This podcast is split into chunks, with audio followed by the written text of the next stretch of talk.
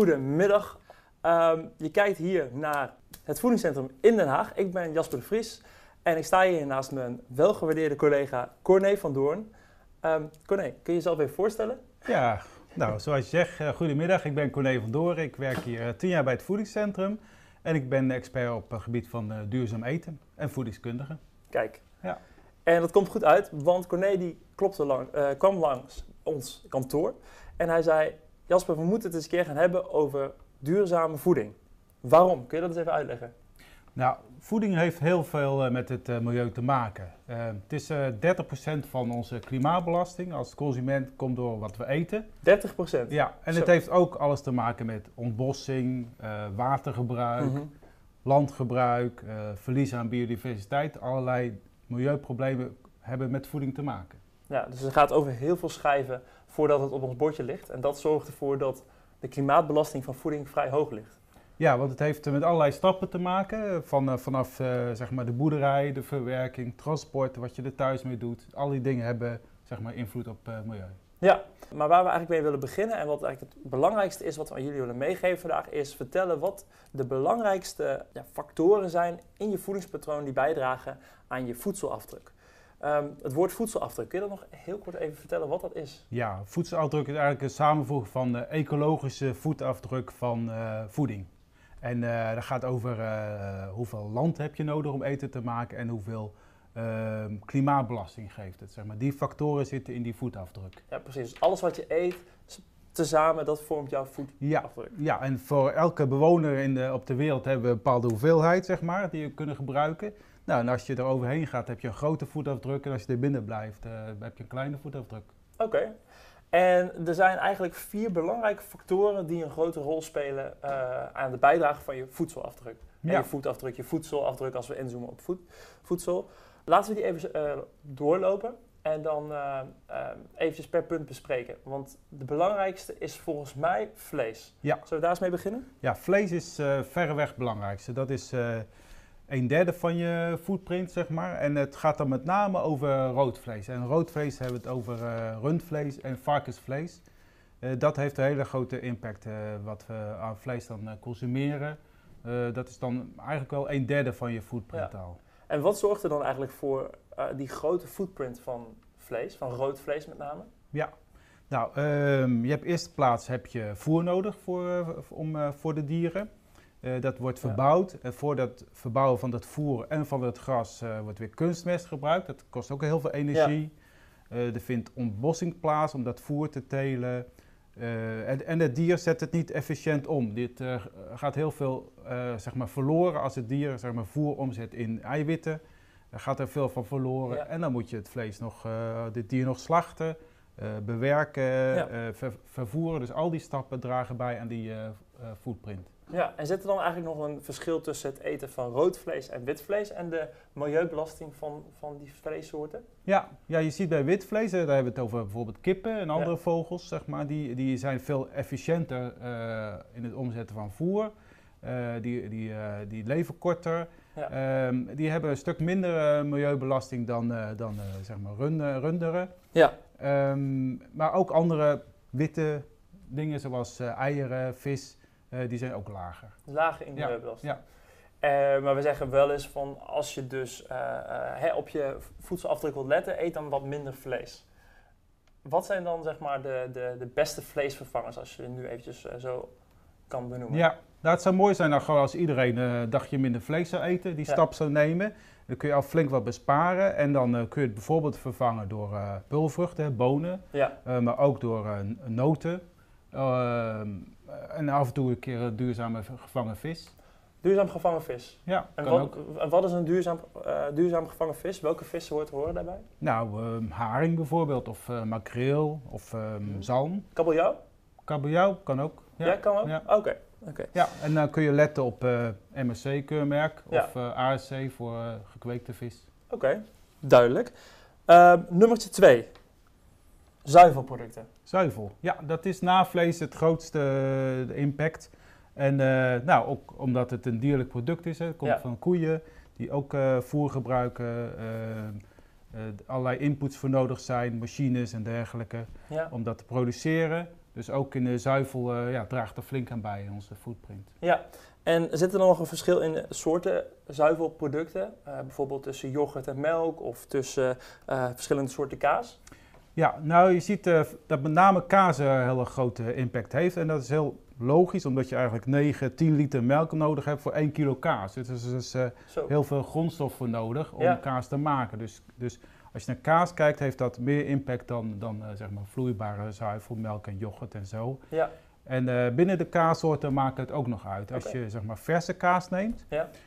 is dat al een stuk minder dan oude kaas. En ehm, verse kaas moet je denken aan bijvoorbeeld uh, of mozzarella of verse geitenkaas, uh, dat soort kaas. Oké, dus als je eh, op, op de duurzaamheid van een product van kaas wil letten, dan kun je beter gaan voor verse kazen in plaats van de oudere kaas. Ja, en we hebben veel als voedingscentrum aan, zeg maar zo'n 40 gram per dag, anderhalf plak kaas. Dus mensen die veel kaas eten, kunnen ook best wat minder, zeg maar. Dat helpt natuurlijk ook om je footprint te ja. verlagen. Ja. ja, daar komen we straks ook nog op, van het niet meer eten dan je eigenlijk nodig hebt. Ja. Gaan we even naar de, de derde grote factor voor de milieubelasting, en dat zijn dranken alcoholisch en niet-alcoholisch. Laten we beginnen met alcoholische dranken. Kijk, die staan natuurlijk niet in de schijf van 5. Ja. Ehm, en bovendien zijn ze behoorlijk belastend voor het milieu. Kun je uitleggen waarom? Ja, dat, uh, bij dranken speelt uh, verpakking een belangrijke rol. Bij andere producten veel minder, maar bij dranken zie je de, de, de flessen, de, uh, spelen een belangrijke rol. De productie ervan, transport, maar ook de grondstoffen. Hè. Voor, voor bier heb je granen nodig en voor wijn en druiven. En daar gebruik je maar een deel van. En je moet het lang bewerken, verhitten en zo. Dus al die stappen zorgen bij voor de milieu-impact van, van dranken. Dus dat, dat is een belangrijke groep waar mensen vaak niet aan denken. Dat ook dranken ja, een belangrijke impact hebben. Ja, ik hoor je ook een paar keer zeggen dat er heel veel uh, in het productieproces aan energie en aan middelen wordt, nodig is om een klein beetje ervan te produceren. Bij vlees en bij dranken. Dat zijn eigenlijk de grootste zorg. Ja, dat, dat is het wat je het grootste zorgen baart, denk ik, of niet, als het gaat om, om milieubelasting. Dat er zoveel nodig is om, om, om, zo ja, je hebt dus weinig te produceren. Energie nodig. Ja. Vaak is dat fossiele energie. Je hebt grondstoffen nodig. je hebt uh, je hebt verlies, je hebt uh, in de keten. Dus uh, ja, al die factoren dragen daaraan bij. Ja. ja. ja. En als we het hebben over niet-alcoholische drank, is dat een ander verhaal of is dat eigenlijk een beetje... Komt het een beetje hetzelfde. Het gaat dan vooral suikerhoudende dranken. Vruchtensap bijvoorbeeld, een goed voorbeeld. Dat wordt eerst geconcentreerd in Brazilië en dan met de schip vervoerd. Dan wordt hier weer aangelengd en dan moet de verpakking moet het even gesteriliseerd of gepasteuriseerd worden. en dan gekoeld en, en al die stappen. Uh, ja, die uh, zorgen bij, uh, dragen daaraan bij, zeg maar. Ja, dat is nogal een weg. En, en koffie en thee bijvoorbeeld. Thee komt soms ook heel van, ver, van ja. heel ver. Waarom zijn dat dan wel wat meer duurzame keuzes? Nou, on, ons advies is vooral dan te kijken water drinken, koffie of thee, zeg maar. Ja. water is het allerminste, vooral kraanwater natuurlijk. En daarna thee en koffie wat meer. er zijn ook grondstoffen nodig, er is ook land voor nodig, maar minder dan voor... voor zeg maar, uh, dranken en alcoholische dranken. Um, waar koffie en thee uh, de impact in zit, is het verhitten van het water. Dat is uh, een mm. punt. maar het is altijd minder dan, dan die andere dranken. Ja. Zeg maar. ja. En bovendien, koffie en thee zijn ook nog gezonde alternatieven. Uh, van ja. suikerhoudende dranken en, en uh, alcoholische dranken. Het geldt natuurlijk voor koffie en thee wel hoe, hoe het uh, verbouwd wordt. Hè? Dat je let op dat er geen ontbossing plaatsvindt en dat de arbeiders goed betaald worden. Dus dat, dat er een keurmerk op zit, dat is wel belangrijk. Ja, dus een ja. Fairtrade keurmerk? Fairtrade of, of OETS of Rainforest Alliance. Dat zijn manieren om er zelf op te letten bij het aanschaffen van koffie en thee.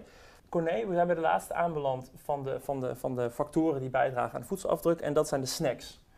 Uh, laten we daar kort even bij stilstaan. Ook weer net als alcoholische en suikerhoudende dranken geen producten uit schijn van 5. Dus daar kun je beter zo min mogelijk van, uh, van, uh, van eten. Ja. Um, wat maakt snacks belastend voor het milieu?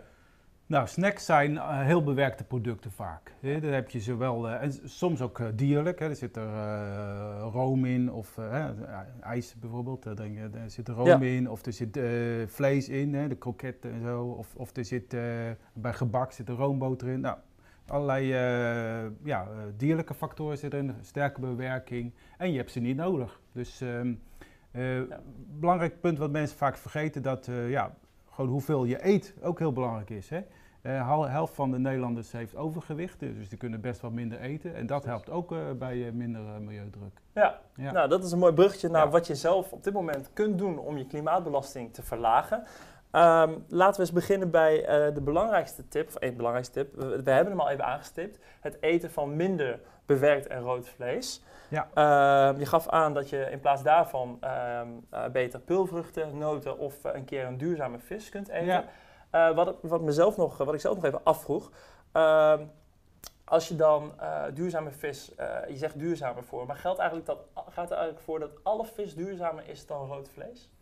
Nee, kijk, als je kijkt naar milieu-impact of klimaatbelasting, dan misschien wel, maar uh, er zijn ook andere factoren hè? Dus, die met vis spelen. Dus je hebt ook vervuiling als je het kweekt of je hebt overbevissing. Dus daarom zeggen we ook van let op duurzaam gevangen soorten. Dus, dus soorten die een MSC-keurmerk hebben. Ja. Dus waarin, waarin er genoeg vis voor is en waarin dus geen bijvangst is en dat soort soorten. Ja, ja. Nou, oké. Okay. Een andere tip die, die, die je zou willen geven volgens mij is het verspillen van voedsel. Want dat doen we ook nog veel. Ja, dat hebben we natuurlijk niet genoemd, maar dat is ook een heel belangrijke factor. Alles wat we weggooien eh, kost energie en grondstoffen en dat is gewoon zonde. Dus dat is een belangrijke factor. Daar kan iedereen wat aan doen. Gewoon minder voedsel verspillen. Dat dat is een makkelijke oplossing. Ja, en op onze website voedingscentrum.nl staan ontzettend veel tips om minder voedsel te verspillen. En we hebben ook tools zoals het eetmaatje, waarin je prima kunt afwegen voor hoeveel je nodig hebt per persoon van een bepaald product, zoals rijst, couscous of pasta. Dan een andere we zeiden het al even, je hebt niet zoveel eten nodig als we op dit moment doen. We zijn, we zijn met z'n allen eigenlijk te zwaar gemiddeld genomen.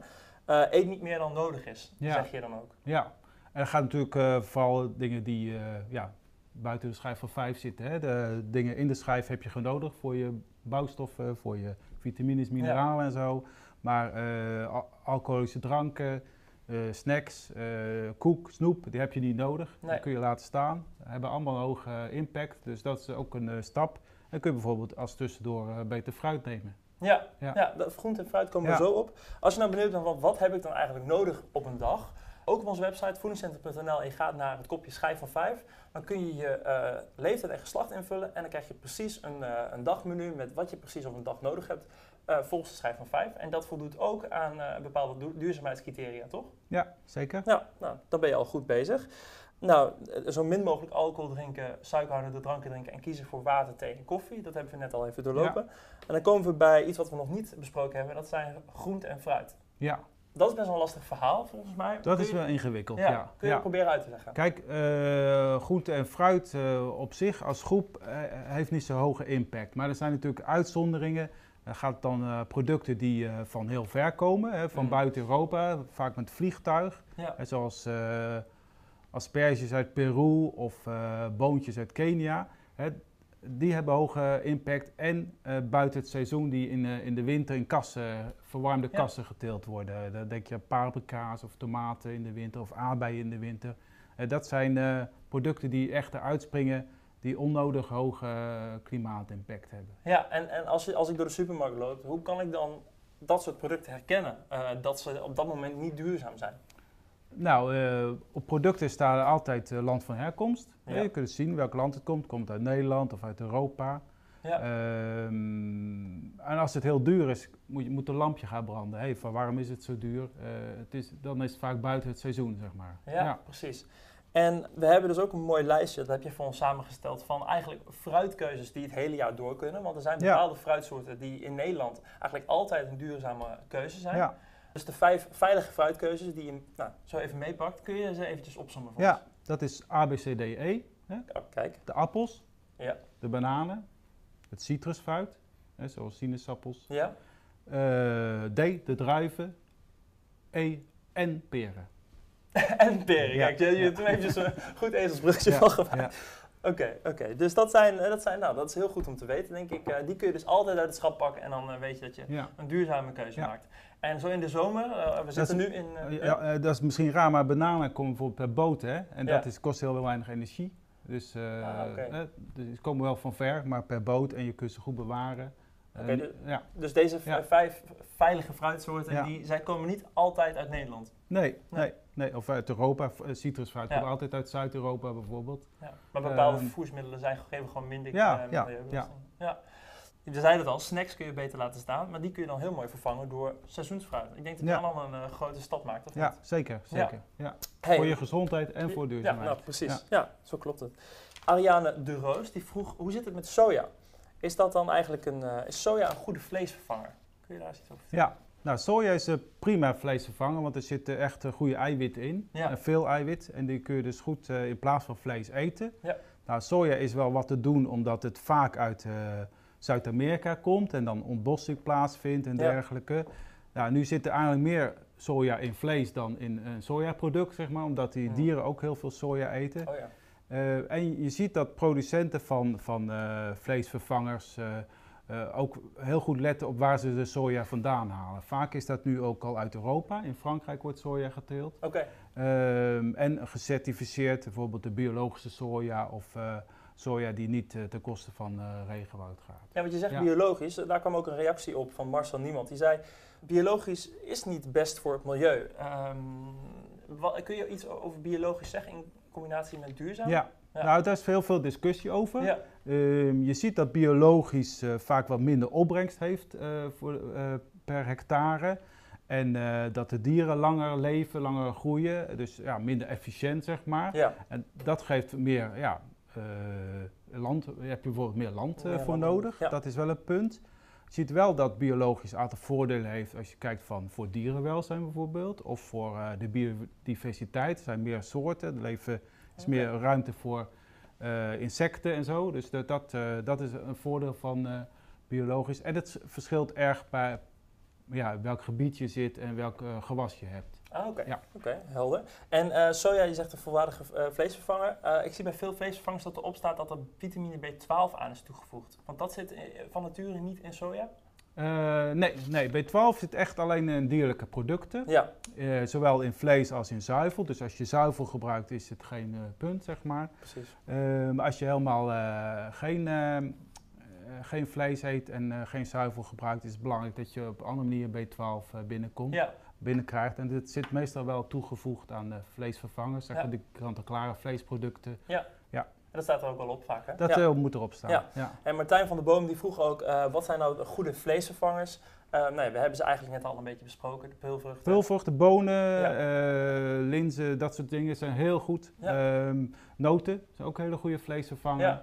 Um, ei, als je dat wil, kan het natuurlijk ook. Um, en ja, de kant-en-klare vervangers waar uh, voldoende dan ijzer en B12 aan toegevoegd is. Ja. ja. Uh, het is wel goed om op te letten bij kant-en-klaarvleesvervangers naar de, om te kijken naar de hoeveelheid zout op het etiket. Want over het algemeen zijn de kant-en-klaarvleesvervangers te zout volgens de richtlijnen van de schijf van 5. Even een, uh, om, om, om, erop, om erop te letten, als er minder dan 1,1 gram zout per 100 gram zit in die kant-en-klaar vleesvervanger, dan valt het binnen de schijf van 5. Anders is het naar onze mening te zout. Dus dat is even een, een klein detail. Ja. Maar goed, als je gaat voor een dag minder vlees per dag, dan ben je eigenlijk al hartstikke goed bezig voor milieu. En daar gaat het vandaag uh, over. Is, duurzaam eten eigenlijk duurder? Ik bedoel, misschien kijken er ook studenten, mensen misschien die iets minder breed zitten en die toch wel hun steentje willen bijdragen aan het milieu. Um, ja, is dat dan altijd een duurdere optie? Nou, als je over het hele voedingspatroon kijkt, zeg maar, als je wat minder dierlijk, meer plantaardig eet, dus, dus graanproducten, groente en fruit, uh, peulvruchten. Ehm, ehm, dan hoeft het niet per se uh, duurder te zijn. Ehm, kijk, als je op bi alles biologisch wil kopen, dan is het wel vaak duurder. Hè? Dat, dat, dat, dat wel. Maar als je gewoon die keuze maakt om het vlees te laten staan, wat vaak wel het duurste component is in je maaltijd, dan scheelt het natuurlijk al. En natuurlijk ook die, die alcohol en snacks waar het over hadden, zijn natuurlijk ook duurlijk, dure dingen. En als je dus ja, groente en fruit van het seizoen koopt, is dat goedkoper uh, en uh, dus, dus dan, dan, dan ben je ook goed bezig. Ja. ja. En um, uh, als we het hebben over, we, we, noemen het al een paar keer minder vlees eten. Vegetarisch eten. Als, hè, als stel je bent een vegetariër of je bent veganistisch, is dat dan, ik, ik, weet dat daar ook wel wat discussie over is, is dat dan altijd een duurzame alternatief? Um, Ja, dat is een uh, prima stap die je kunt maken om je milieubelasting omlaag te brengen. Ja. Maar we hoeven niet per se allemaal vegetariër te worden, denk ik. Er zijn natuurlijk gebieden in de wereld waar, waar je geen, geen groente kan verbouwen of granen. Mm. denk maar even aan de Hoge Bergte, de, de, rivierdijken bij ons of zo, de uiterwaarden. Veen- en weidegebieden, daar kunnen alleen ja, schapen en koeien grazen. Dus eh, als je daar wat wil produceren, kun je dat doen. En bovendien, uh, varkens bijvoorbeeld uh, eten ook een deel van de resten van de voedingsmiddelenindustrie. Die eten dus resten op die je anders weg zou gooien. Dus die maken, zetten dat ook weer om in vlees. Dus dat is natuurlijk minder dan we nu eten. Maar een beetje vlees voor iedereen is er wel. ja, precies. Ja, oké. Dus dat is wel een mooie om mee te hebben. Er is voor iedereen wel wat vlees, maar niet zoveel, lang niet zoveel als dat we op dit moment als je duurzaam wil uh, eten. Ja, precies, als je duurzaam zou willen eten. Hey, en even een uh, uh, blik op de toekomst. heb je een idee dat we langzaam naar een steeds duurzamer eetpatroon aan het werken zijn? Zie je daar een, een positieve ontwikkeling in? Nou, we hebben met, met elkaar in Europa afgesproken om, hè, we hebben een klimaatakkoord. En we hebben afgesproken dat we in 2030 36% minder broeikasgassen uit willen stoten voor in de landbouw en transport. Ja. En dan moet je dus ook wat aan eten gaan doen. Uh, nou, een van de dingen die uh, belangrijk is, dat je minder afhankelijk wordt van uh, fossiele brandstoffen, van olie, van aardgas en zo. Dus dat je op een andere manier eten gaat produceren, mhm. minder transporteert, minder kunstmest gebruikt en zo. Dus dingen die heel veel energie kosten, uit, uit de keten haalt. En minder voedsel gaat verspillen, dat is ook een belangrijk doel om dat in de toekomst te halveren. Dus daar gaan we ook echt inzetten als voedingscentrum op ja, die onderwerpen. Precies, ja. En we, eh, wij, wij, stimuleren natuurlijk uh, de Nederlanders tot een uh, duurzame eetpatroon, maar er is nog ook een grote slag te maken bij, bij de producent. ja, iedereen in de keten heeft zijn eigen verantwoordelijkheid erin, denk ik. Ja. ja. Mooi. Hey, Corné, ik wil je bedanken voor je bijdrage en heldere uitleg en, en, en beantwoorden van de vragen. Ik vond het heel verhelderend en heel duidelijk, dus dank daarvoor. En Graag gedaan. heel veel succes met het werken en het stimuleren van Nederland naar een steeds duurzamer eetpatroon. We zien je vast vaker terug. Ehm, en dan wil ik ook jullie heel erg bedanken voor het kijken. Tot ziens.